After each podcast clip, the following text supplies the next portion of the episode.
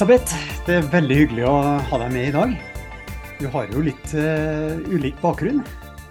Du har jo uh, tatt en doktorgrad for ikke så veldig lenge siden. Det var vel i juni 2022, var ikke det? Mm. Og da uh, hadde du studert tverrfaglig samarbeid i sykehus. Det stemmer. vi hadde jo også et prosjekt for noen år siden hvor vi så på noen av de samme problemstillingene. Og det jeg kan bekrefte, er jo at det er en ikke bare kompleks, men det er jo også en ganske utfordrende eh, oppgave å studere. Det som er interessant med bakgrunnen din, er jo at du så vidt jeg, du skal få si litt eh, om deg sjøl etterpå, men eh, du har jo vært på begge sidene. Du har vært Ja. på legesida som student, og du har jobba som, som pleier, eller sykepleier, på den andre sida. Og eh, jeg er veldig spent på å høre eh, litt om det du fant, og ikke minst eh, de råd og vink du ønsker å gi til disse teamene som ønsker å få litt bedre løsning av de komplekse problemene de står overfor. Vær så god, Elisabeth. Jo, takk for det. Mitt navn er Elisabeth Anvik. Jeg er førsteamanuensis i ledelse og organisasjonspsykologi ved Hanseskolen BI. Jeg sitter i Bergen, og jeg er siviløkonom fra Norges handelshøyskole. Og som du nevnte, har eh, tatt en doktorgrad innenfor tverrfaglig samarbeid med særlig fokus på helsesektoren. Eh, bakgrunnen min er vel også det at jeg begynte som medisinstudent i 2003. Gikk noen år på medisinstudiet og opplevde det at eh, jeg følte meg som en av de begavede og utvalgte få som eh, hadde en viktig rolle å fylle på sykehuset i, i fremtiden. Um, men at den opplæringen og det synet som jeg fikk gjennom min utdanning Du blir jo introdusert i et visst verdisett og et visst normsett til hvordan en skal oppføre seg, eh, hvilken betydning en skal ha, hvilke oppgaver en skal fylle. Det førte ofte til store problemer i kommunikasjonen med folk som hadde en litt annen bakgrunn enn en selv. Er det det som uh, trigga tittelen på, på oppgaven din, som var 'Mind the Gap'? Ja, jeg tror det. Altså, for meg ble det veldig viktig å se at uh, disse kommunikasjonsutfordringene og problemene de kan føre til uh, veldig dårlig samarbeid. Og den som uh, det går utover, er ikke bare de som er involvert i en konflikt eller et dårlig samarbeid, det er faktisk pasientene. Mm. I tillegg så får vi lite innovasjon, vi får lite kunnskapsutveksling og rett og slett lite faglig vekst. Så jeg følte det at nå har jeg sittet på den siden. Seinere så jobbet jeg i rollen som sykepleier en stund etter jeg ga meg på medisinstudiet. Og jeg har også vært pasient eh, når jeg fødte mine barn. Og i all den tid så har vi møtt på de samme problemene. Ulike profesjoner som ikke evner å samarbeide på, på en eh, god nok måte. Det vi kaller for sånn dårlig teamdynamikk. Og vi har sett eh, egentlig fatale konsekvenser i helsesektoren eh, i de verste utfallene. Så jeg hadde lyst til å gjøre noe med det. Jeg hadde lyst til å se på hva kan vi gjøre, særlig hvis vi står overfor komplekse problemer og utfordringer. Hva er det som skal til for at man kan evne å samarbeide bra, sånn at vi får til kunnskapsutvikling, kreativitet og forhåpentligvis innovasjon som kan føre til bedre kvalitet for pasientene, eh, bedre kvalitet i behandlingen og mer pasientsikkerhet. Så jeg var heldig å um, bli invitert i et prosjekt eh, ved Haukeland universitetssykehus, der de skulle sette ulike eksperter, alle som eh, hadde særlig spisskompetanse innenfor å behandle barn med somatiske og psykiske problemer. Så det var, det var situasjoner eh, der barn hadde gått årevis uten å få hjelp. Det var så kompliserte tilfeller at de sto nå i fare på å ende opp som tidlig uføretrygdede i mangel på en, en løsning. Og dette, disse tverrfaglige teamene de skulle da prøve å finne ut at kan vi sette dette problemet et nytt lys, så vi kan finne noen nye vinklinger som forhåpentligvis kan gi en diagnose og et bedre behandlingstilbud. Så i utgangspunktet så skulle dette da altså føre til innovasjon. Og jeg, syns det er spennende. Du har jo også mye erfaring med teamutvikling, sant? Og å følge team og se etter endringer over tid. Så det var denne dynamikken jeg var interessert i. Liksom. Hvordan går man fra å være en ekspert, virkelig en ener innenfor et fagfelt, til å bli et teammedlem eh, der man klarer å dele kunnskap på en effektiv måte. Så hvordan skal vi bygge bro mellom disse ulike profesjonene? Det er også å bygge bro mellom ulike fagfelt, og ikke bare ulike profesjoner. Så det jeg ønsket å se, var hvordan forholder disse teammedlemmene seg til hverandre? Hvordan endres rollestrukturer over tid? Hvordan endres prosedyrer? Klarer de å endre praksis på noen som helst måte? Og hvordan kan dette samspillet teammedlemmene seg imellom, denne kommunikasjonen de har med pasientene, eventuelt resultere i innovative prosesser.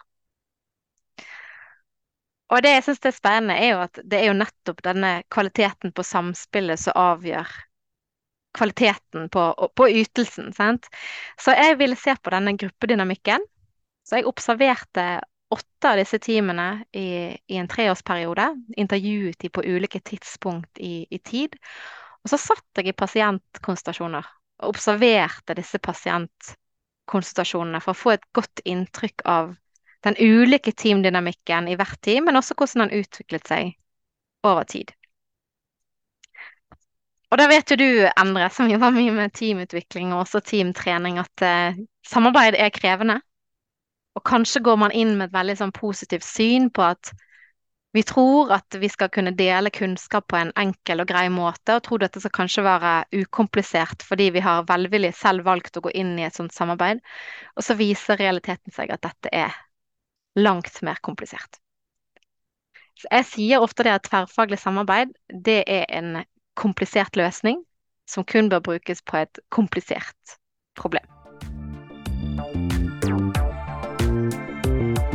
Og det er det tverrfaglig samarbeid handler om, det er at vi skal lære av hverandre. Vi skal lære eh, om hverandre. Eh, vi skal lære sammen. Så vi skal prøve å få til noe nytt ved at vi skal kunne dele kunnskap. Og dette er jo egentlig ansett som dagens, eller fremtidens løsning på å takle den kompliserte verden som vi, vi er i i dag. Sant? Det er behov for kostnadskutt. Vi har reduksjon. Eh, vi trenger å, å, unngå duplisering av arbeid på sykehusene. Vi trenger å bøte på dette fragmenterte systemet som er et resultat av økt spesialisering. Og vi har ny teknologi. Og vi har fått en pandemi som gjør at vi forholder oss til hverandre, og vi kommuniserer på helt ulike måter enn det vi gjorde før. Så det kan by på mange muligheter, men også ganske mange utfordringer. Um, og det vi vet, for dette er jo et fenomen som har utviklet seg fra, fra 70-tallet, hovedsakelig Australia og Canada, det finnes mange barrierer for tverrfaglig samarbeid. Så jeg prøvde å kartlegge disse barrierene. Og så prøvde jeg å finne indikatorer over tid. Hva er det som gjør at noen team presterer bedre enn andre? Hva er det som gjør at de finner en løsning på disse pasientene sine problemer, og ikke andre? Er det forhold ved teamdynamikken? Er det forhold ved oppstarten? Er det forhold ved prosessen underveis? Er det kommunikasjonsmønstre? Hva er det som gjør at noen utvikler ny praksis og lykkes med dette, og andre ikke? Og så forsøkte jeg å, å danne modeller eller en løsning for hva som kan forklare dette. Det er jo veldig spennende. Og det er jo utrolig Det er jo ikke bare innenfor helse, dette med tverrfaglig samarbeid. Du ser i byggeprosjekter hvor det liksom ulike faggrupper ikke snakker sammen og går i sine egne siloer. Og det som er interessant, som, som jeg syns er veldig eh, artig å høre, det er at du har brukt observasjon som teknikk. For det har jo vært en trend noen, noen tiår hvor du liksom har eh, trodd at team kunne settes sammen med ja, slags eh, altså Altså av ulike egenskaper, eh, personlighet eller hva det skulle være for noe. Og eh, har du sett et tverrfaglig samarbeid, så er kanskje profesjonsgrenser større barriere enn akkurat det. Og, og, det å få folk til å snakke sammen og utvikle et samarbeid som går på tvers av dine skal vi si, innsats eller um, utgangsfaktorer, det, det, det er ikke lett. Og det er ikke lett. Og så tror jeg det som du sier, sånn, kontekst betyr også veldig mye. Hva rammer og strukturer, eh, institusjonaliserte logikker og ting som egentlig styrer handlingsrommet til et gitt team. Og det er jo Som du nevner, så er det jo enkelte bransjer som kanskje er mer styrt av etablerte rollestrukturer, hierarkier og, og, og maktsystemer. Eh, og også så, så, er det eksisterte opphavsrettigheter til kunnskap, som nå potensielt også kan utfordres ved eh, å inngå i et sværfaglig samarbeid, fordi at roller de blir mer og mer sånn glir i hverandre. Så disse grensene som tidligere har vært veldig tydelige når vi har jobbet som eksperter, de blir ikke like eh, synlige, og det skaper sånne friksjoner i samarbeidet. Så jeg, jeg, synes at det har vært veldig spennende å se hvordan hva kan en gjøre i disse situasjonene? Sant? Du nevner i, i byggebransjen. Sant? Vi kunne sett på militæret, i politiet, i brannvesenet og sykehus. Kunne tenkt at det var samme kontekst, men det kan også relateres til businessverden. Sant? Forskere som skal samarbeide, eh, lærere skal samarbeide, og også andre. Men det handler jo ofte at barrierene de består ofte at vi er Vi har et sett med verdisystem som vi er trent i sant? som former hvordan vi ser på verden, hva som er rett måte å løse et problem på, hvem som har opphavsrettighet til en, en gitt kunnskap. Og vi har investert ressurser i å på en måte ha eh, autonomi og ha en autoritet til å styre denne kunnskapen. Og nå blir den plutselig løst litt opp, og det gjør at vi kan føle at vi mister vår identitet. Vi mister kanskje makt og status, og vi kjenner at noen andre tråkker litt i hverandres bed. Utfordringen med det, hvis vi vi, vi, går inn i den tilnærmingen at det er farlig å, å skyve på etablerte grenser. Det at vi får et sånn kikkertsyn på alle problemene. At vi blir liksom fanget på sånn autopilot-tenkning. Eh, der vi kun ser vårt eget perspektiv, kun ser vår møte og, og løse et problem på. Og så blir det en fragmentering av denne kunnskapen. Vi klarer ikke å få til det vi kaller eh, en felles mental modell. Et bilde som gjør at vi har en felles forståelse til hvordan vi skal løse problem. Eh, der vi klarer å se at det er flere måter, det finnes flere vinklinger inn i denne problemstillingen som er verdt å, å utforske. Og da, når vi er fanget i det systemet, så unngår vi læring. Ja, og da, det du sier da, er at teambygging er jo, det er jo ikke så veldig enkelt. da. For du må ta med alle disse, disse perspektivene inn. Det ja. finnes ingen quick fiks, og det finnes ikke noe sånn én bestemt måte å bygge et team på. Det er avhengig av hvem som sitter, hvilken bakgrunn, hvilke styringssystemer de ligger under, teknologien de bruker osv., som du nevnte. Så ja, så er jeg spent på hva Du har jo kommet frem til en del konklusjoner også på det, da, hvordan, hvordan skal du få det til? Ja, altså når jeg fulgte i prosessen, så etter seks måneder så følte jeg at teamene var mislykket. Noen av teammedlemmene ønsket å forlate teamene, og det var store konflikter. de hadde veldig um, kikkert syn. Det var få som kom til en løsning på disse pasientene sine problemer. Og det var så konfliktfylt til, til perioder at uh, de vurderte å legge ned egentlig hele prosjektet.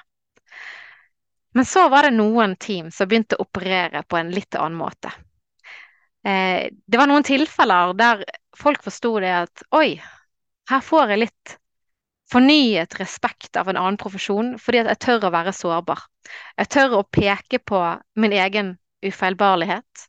Jeg har sett at jeg, min egen kompetanse er ikke tilstrekkelig til å løse dette problemet. Kanskje trenger jeg se utover til andres kompetanse for å finne en ny vinkling. Så det krever egentlig litt sånn mot å anerkjenne det.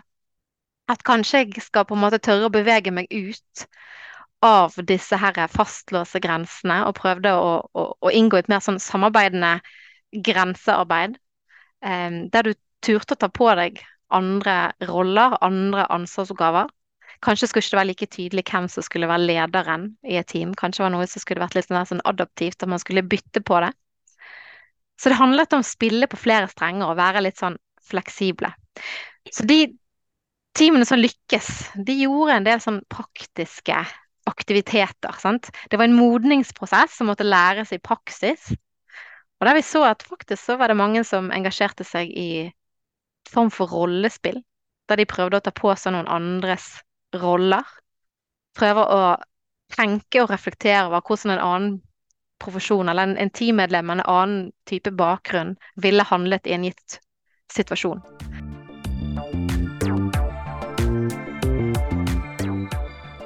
Det spennende er jo at dette er ikke noe som var bare spesifikt for mine helseteam, for vi kan jo se utover. For eksempel, eh, du nevnte byggebransjen. Så når de bygget Snøhetta, for eksempel, eller Snøhetta arkitektforening, de skulle bygge eh, operahuset, så var det veldig store konflikter om hvordan det skulle se ut. Hvilke funksjoner det skulle fylle. Det var veldig mange ulike eh, behov. Og så kommer de fastlåste konflikter, og det de egentlig engasjerte seg i nå, det var noe som het transposisjonering. Eller Snøhette har selv kalt dette for transposisjonering. Der de fikk eh, koreografer f.eks. til å inntre i rollen som arkitekt. Byggteknikerne skulle inntre i rollen som dansere, osv., osv. Og det en ser da, er at en lærer seg et eh, sett av nye praksiser. En får sett ting fra en annen side, sånn at en lettere kan skape en, en felles bilde av hva er vi her for? Hva er felles formål? Hvordan kan vi se det at alle har overlappende kompetanser, og hvordan kan vi anvende den på en kreativ måte, sånn at det faktisk skaper innovasjon fremfor å true vår identitet og skape friksjoner i, i teamet. Det du snakker om nå, er jo, det er jo liksom en veldig kreativ prosess. Altså Du evner å se andres perspektiv, og dermed får nye perspektiver sjøl. Eh, vil du si at eh, teamets samhandling og den prosessen som foregår, er en forutsetning for innovasjon og kreativitet? Jeg tror selve gruppedynamikken, det du sier er teamets samhandling, det er, det er selve på en måte den faktoren som faktisk beskriver om du vil få høy ytelse eller ikke. Så jeg tror det er en direkte link. Og så tror jeg ikke nødvendigvis at samspillet er Det er jo dynamisk. Så det er ikke nødvendigvis sånn et godt samspill fra starten. Det vil alltid gi et godt samarbeid. Jeg tror dette er noe du må aktivt jobbe med og utvikle, eh, og at det tar tid. Jeg også mener det at dette er noe som må læres i praksis. Så det jeg må jobbe med disse teamene i feltet. Det er ikke å hente det inn nødvendigvis bare i et klasserom og gi det en teoretisk rammeverk. De er nødt til å jobbe aktivt med hverandre og være engasjert i å utvikle hverandre for å oppnå en ny kompetanse. Ja, det er jo ofte en sånn myte om dette med teambygging. altså ja. dette med at du har den omvendte U-kurven. altså Jo lengre tid du har jo, altså I begynnelsen så øker prestasjonen til teamet, og så når du en topp, og så synker det. Mm. Og det har alltid forundra meg at den tas for gitt at sånn er det. For det er jo akkurat sånn som du sier, at du må jo faktisk trene et team også. Ja. Du må holde, gi nye utfordringer, du må gi nye oppgaver, du må skifte et perspektiv, og du må se andres uh, sider av saken. Ellers så detter jo ytelsen ned, akkurat det samme som når du slutter slankekuren ute i mars. Ja. Og det er litt spennende, sant? fordi at mange tenker at vi skal bare trene dem. Hvis jeg trener dem på hvordan de kan ha en, en god oppstart i teamet, f.eks., så kan være avgjørende for at vi kan få mer eh, effektiv struktur for hvordan vi kan jobbe sammen. Sant? Vi kan få en forventningserklæring som reduserer usikkerhet. Så tror jeg kanskje at dette er et checkpoint som er viktig i startfasen, men vi må likevel jobbe med å utvikle oss. Vi kan trene på standardiserte oppgaver. Men hvis vi møter omgivelser som er komplekse, skiftende hele tiden, der det er mye usikkerhet, så kreves det en kontinuerlig fokus på teamutvikling. Så det jeg har funnet da, i min forskning som har vært særlig avgjørende for den teamutviklingsaspektet, eh, sett bort fra bare transposisjonering, er at man skal sette av tid til refleksjon om selve teamarbeidet. Og i sykehussektoren så spesielt kanskje, eh, det er vel også relaterbart til militære settinger, så har man ofte en praksis med sånne debrifer. Så jeg, når jeg sier teamrefleksjon, så snakker jeg ikke om en debrief der vi snakker om pasientsaken, hva som gikk galt, eller hva som var bra, og kan vi på en måte nedfelle dette her i prosedyrer eller rutiner i fremtiden. Det jeg snakker om, kan vi, kan vi ha en samtale om selve teamarbeidet? Var det situasjoner der du eh, trengte støtte fra de andre, f.eks., og du ikke opplevde at du fikk det? Kan du være sårbar eh, og, og, ha mot nok til å, til å dele dette? Kan man diskutere strukturen? Hvem er det som starter å snakke i en konsultasjon, en samtale? For det er ofte sånn at man har rigide strukturer. Sant? I, i sykehus så er det jo ofte sånn at det er legen som sitter på toppen av hierarkiet. Og jeg så at særlig i startfasen så var det sånn at det er legen som hadde sin somatiske inngangsport til dette problemet, startet å stille masse somatiske spørsmål. Og så ble det sånn i etterkant at psykologen og fysioterapeuten, som også var med i tverrfaglig time, om, om de hadde noe å tillegge på slutten. Og det var veldig lite deling av personlig informasjon, og det var veldig stort fokus på en måte dette her som jeg kaller det kognitive aspektet. Altså hva er det som, som er galt? Kan vi finne en vitenskapelig forklaring på dette? Og så kom på en måte det relasjonelle fokuset på selve pasienten. Det var litt tilsidesatt.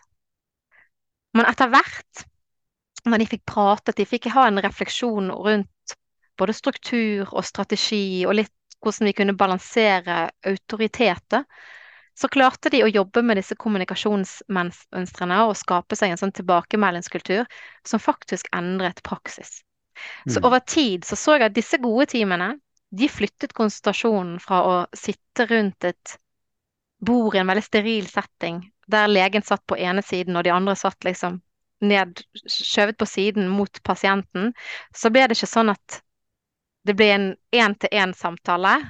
Enten så brukte de runde bord, eller så fjernet de eh, seg fra den settingen. Så gikk de i gymsalen, så begynte fysioterapeuten å kaste en ball til pasienten.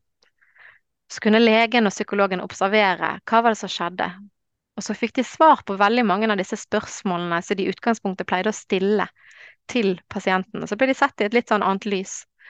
Og så åpnet det opp for sånn relasjonelt fokus fra starten av. Og det gjorde at det var ikke én profesjon som tok veldig mye plass i samtalen. Og det som skjedde i den settingen, var det at de begynte å dele mer informasjon. De begynte å De klarte å bryte ut av disse etablerte rollemønstrene på en veldig sånn naturlig måte. Og så ble det et veldig engasjement fra, fra pasienten og foreldre som gjorde at en konsultasjon ble en helt annen form for praksis. Så lærte de av hverandre. Det utviklet eh, en god del kunnskap. Det å lære å stille seg, stille spørsmål til pasienten f.eks. på en helt annen måte. En psykolog og en lege vil stille spørsmål på en helt annen måte, og de vil vektlegge ting veldig forskjellig i innholdet av det som blir sagt. Men for eksempel så pleide legene plutselig å plukke opp det psykologen sa, stille spørsmål på samme måte som en psykolog gjorde, og så fant de ut at det ga jo helt nye svar. Og det satte situasjonen i ny lys, så nå kunne vi kanskje se på andre typer diagnoser som vi ikke tidligere hadde evaluert i det hele tatt. Andre som hadde tilbakeholdt kommunikasjon for de følte at det var så rigide maktstrukturer og ting var så konfliktfylt, turte plutselig å dele den informasjonen. Og så ble det en viktig bit av det hele puslespillet som gjorde at vi faktisk klarte å, å løse disse medisinske tilfellene. Så teamrefleksjon ble ekstremt viktig. Det høres jo ut som et uh, veldig godt eksempel på hvordan det kan være og kan bli. Og det du sier at uh, løsningen, sånn som jeg oppfatter det, løsningen er at du har denne korte, du vil ikke kalle det brief, men altså denne diskusjonen om hva gikk bra og hva kunne du gjøre bedre neste gang. Hver gang. Har du noen gang fått uh, svar når du har foreslått det her at nei, det har vi ikke tid til? jeg har det. I bunn og grunn så er jo det generelt sett ganske kostbart å drive med tverrfaglig samarbeid. Um, I sykehussektoren så kunne hver av disse profesjonene sett en pasient sant, uh, alene, kanskje syv pasienter på samme tiden, så de nå får sett én pasient i fellesskap. Så det er kostnadskrevende. Så de vil jo være mest mulig effektive. Og det gjør en tendens at de skipper rett til, de har veldig sånn oppgavefokus, og så blir det veldig lite relasjonelt fokus. Men de klarer likevel ikke å prestere godt. De klarer ikke å løse disse oppgavene. Så det er faktisk sånn at det vil være lønnsomt for et sykehus for å unngå at det blir nye henvisninger, nye innleggelser osv. Hvis de faktisk setter av tid til å prioritere forventningserklæring i oppstarten, ha debrief eller sånne teamrefleksjoner underveis, og faktisk på en måte teamutvikling som spesifikt går inn på å, lære de å tre ut av vante rollestrukturer. Sånn at vi unngår disse stereotypiseringene, det som vi kaller for sånne inn- og utgrupper, som gjør at vi tenker mer negativt om andre som er forskjellige enn oss. De som har en annen bakgrunn, en annen kompetanse enn oss, enn oss selv. Og det evner at vi klarer å på en måte bygge bro mellom disse perspektivene, som gjerne er det som er nødvendig for å løse disse kompliserte tilfellene.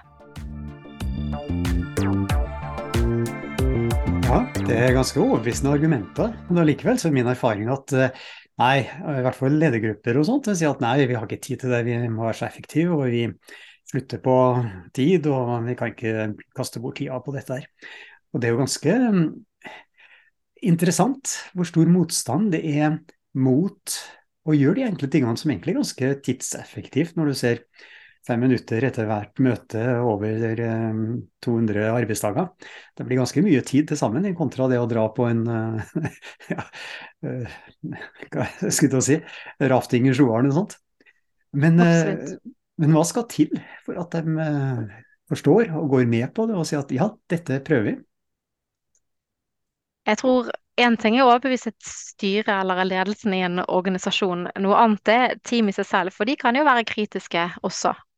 Um, I mitt tilfelle så trengte de å, å komme på en måte, i en situasjon der de fikk en knekk. Der de skjønte det at måten vi praktiserer det på nå, det fungerer ikke. Så vi må settes i en situasjon der vi er villige til å gjøre noe nytt.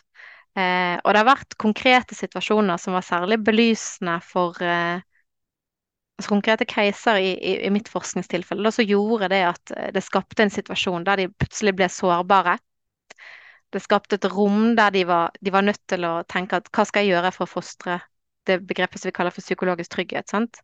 Det å ta relasjonell risiko og ha mot til å stille et spørsmål og kanskje si fra om at du har en mening som er litt annerledes enn meningen til den andre, som gjerne er i en maktposisjon, uten at det skal ha negative konsekvenser for en selv. Um, og det de opplevde da, hvis de først turte å vise en sånn sårbarhet, så opplevde de det at de, de fikk anerkjennelse av teamet. De opplevde mer likeverdighet. Og de så at de lærte ny kompetanse. Så de ikke bare fikk brukt i, i form av det tverrfaglige samarbeidet, men de gikk tilbake i sin individuelle praksis. Og så praktiserte de denne kompetansen. Mm. Og så fikk de en langt høyere respekt for andres profesjoner. Og det gjorde at de ble mer dyktigere i sitt eget fagfelt som eksperter òg. Så de, de forsto på en måte at dette, dette er lønnsomt. Både på individuell basis, men også for teamsamarbeidet. Så du fikk eh, starta en veldig sånn positiv spiral da, som økte rett og slett eh, den enkelte profesjonsarbeiders eh, kompetanse mm. i sitt eget Ja, det er, det er, jo veldig spennende. Og det viser jo litt av kraften bak samspill i team. Ja. Jeg, jeg fokuserer veldig mye på at dette har I den ene artikkelen så handler jo dette mye om at dette har vært en, en identitetsendring. For hvis vi ser på mye litteratur om sånne eksperter, om sånne enere, så på en måte har man en tendens til å se det som at identitet er noe som er statisk spesielt en form for profesjonsidentitet, og den er bundet opp til de oppgavene du gjør. Og hvis du tenker å endre på oppgaver eller rollestrukturer, så skaper det en trussel til din identitet. Og så vil mye litteratur si det at i en sånn situasjon så vil folk eh, utøve motstand. De vil kanskje sabotere sant? samarbeid, og da vil du på en måte gå i en sånn negativt spiral. Og så er det andre forskere som har på en måte påpekt at identitet er kanskje dynamisk, men vi vet veldig lite om hvordan det utvikler seg over tid. Så det jeg har forsøkt å kartlegge, er en prosess der jeg faktisk fant at disse profesjonene de endret identitet over tid. De gikk ikke for å være Eller de gikk fra å være eksperter i ett fagfelt, veldig sånn i sine vante roller, til å føle seg som mer hybride profesjoner. Og det skapte innovasjon. Det gjorde de mer effektive i sitt sine egne fagfelt. Men det åpnet også opp for muligheter der de, de følte at de kunne eh, sprenge grenser i andre fagfelt. Og dette er jo noe som på en måte nå har skapt en sånn spiral rundt om. Sant? Folk har jo anerkjent at dette er en kompetanse som har opparbeidet seg og vært interessert i denne kompetansen. Så nå får jo det positive konsekvenser også videre i organisasjonen. Så forhåpentligvis gjør at det kan komme disse pasientene til nytte. Det er jo veldig lett å trekke paralleller over til næringslivet da. Og ja. dette med hvor mye de har å si på bunnlinja, nettopp eh, de sideeffektene du beskriver der. Mm. Men det er jo en modningsprosess. sant? Altså, jeg, jeg fylte team over tre år. Og jeg tror at hvis jeg hadde vært en forsker, så hadde jeg sett på dette prosjektet. Etter seks måneder så hadde jeg tenkt at dette viser det samme som de fleste av forskningsresultatene internasjonalt, at 75% av tverrfaglige team de mislykkes. Ergo, man burde kanskje ikke anvende tverrfaglige team. Så da kreves det, skal vi ha tverrfaglige team, så er vi nødt til å eh, iverksette ressurser som jobber med teamutvikling. Og vi er nødt til å, eh, nødt til å la de få, få mulighet til å feile og teste det ut i praksis. Og vi er nødt til å hjelpe de til å lære de å bryte etablerte rollestrukturer og mønstre. Og skal vi lykkes i fremtiden, så tror jeg at det krever at vi endrer ikke bare arkitekturen i organisasjonene, sånn at vi kan tilrettelegge for mer samarbeid på tvers av avdelinger, f.eks. Det at de kan være, ha samlokaliserte kontorer, f.eks. De kan ha nettverk der de får eh, dele kunnskap som kan skape innovasjon, men også at vi starter på utdanningstidspunktet. Der de får jobbe tverrfaglig praksis, gjerne i feltet, fra første stund. Det tror jeg blir ekstremt viktig. Skal vi lære oss å opparbeide en god teamdynamikk, og der vi skal kunne klare å få en sånn basiskompetanse i hvordan det egentlig er å jobbe tverrfaglig. Ja, så det er ikke bare å gå ut som uh, komme inn på et studium som krever 6,4 i snitt, og gå der som en ener, og så ut som lege. Du må møte feltets andre aktører før du er ferdig utdanna, det er det du sier? Absolutt. Mm. Ja, jeg tror det der, er, det der er noe vi kommer til å se i andre bransjer også, ikke bare innenfor helsevesenet. Ja. At virkelig det å møte Se bare store milliardprosjekter, hvorfor er det sånne svære sprekker overalt? Det er jo, det er jo pga. at folk begynner å posisjonere seg innenfor sin egen trygge ramme, innenfor sin egen skal vi si, eh, fagområde. Eh, for man er redd for å bestille til ansvar for noe man ikke har kontroll på. Absolutt. Mm. Ja, og vi har jo sett fantastiske ting som kan skje, sant? både i form av åpen innovasjon og andre mm. eh, innovasjonstyper, når folk med ulik komplementær kompetanse faktisk klarer å bryte disse grensene, og bryte med etablerte rollestrukturer, hva det faktisk kan, kan lede til. vi har sett disse gruvearbeiderne sant, som var fanget, eh, fanget under jorden med den der minen, eh, mine gruven som, som, eksploderte, og hvordan folk jobbet med ulike profesjoner, frivillige og eh, eh, militære og alle, hvordan de klarte å dele kunnskap som gjorde at de utviklet kapsel som kunne frakte disse menneskene som var fanget under jorden. Tenker på den uh, ulykken i Chile? Ja. ja. Mm. Helt, helt, fantastisk. Hva som kan skje hvis vi faktisk evner å få mm. til effektiv kunnskapsutvikling gjennom tverrfaglig samarbeid. Så mulighetene er der, men det er en kompleks løsning for et komplekst problem. Det er det. Mm. Det syns jeg var veldig spennende, Elisabeth. Jo, takk for Og det. Eh, jeg tror nok eh, vi får høre mer fra deg når det gjelder dette med team, teamutvikling og effekten av, eh, av samspill på tvers av profesjoner, utveksling av eh, kunnskap på tvers av ulike områder og sånt, som, eh, ja, som resulterer ofte i innovasjon. Takk for det, André. Tusen takk for at jeg har fått lov til å være gjest i studio.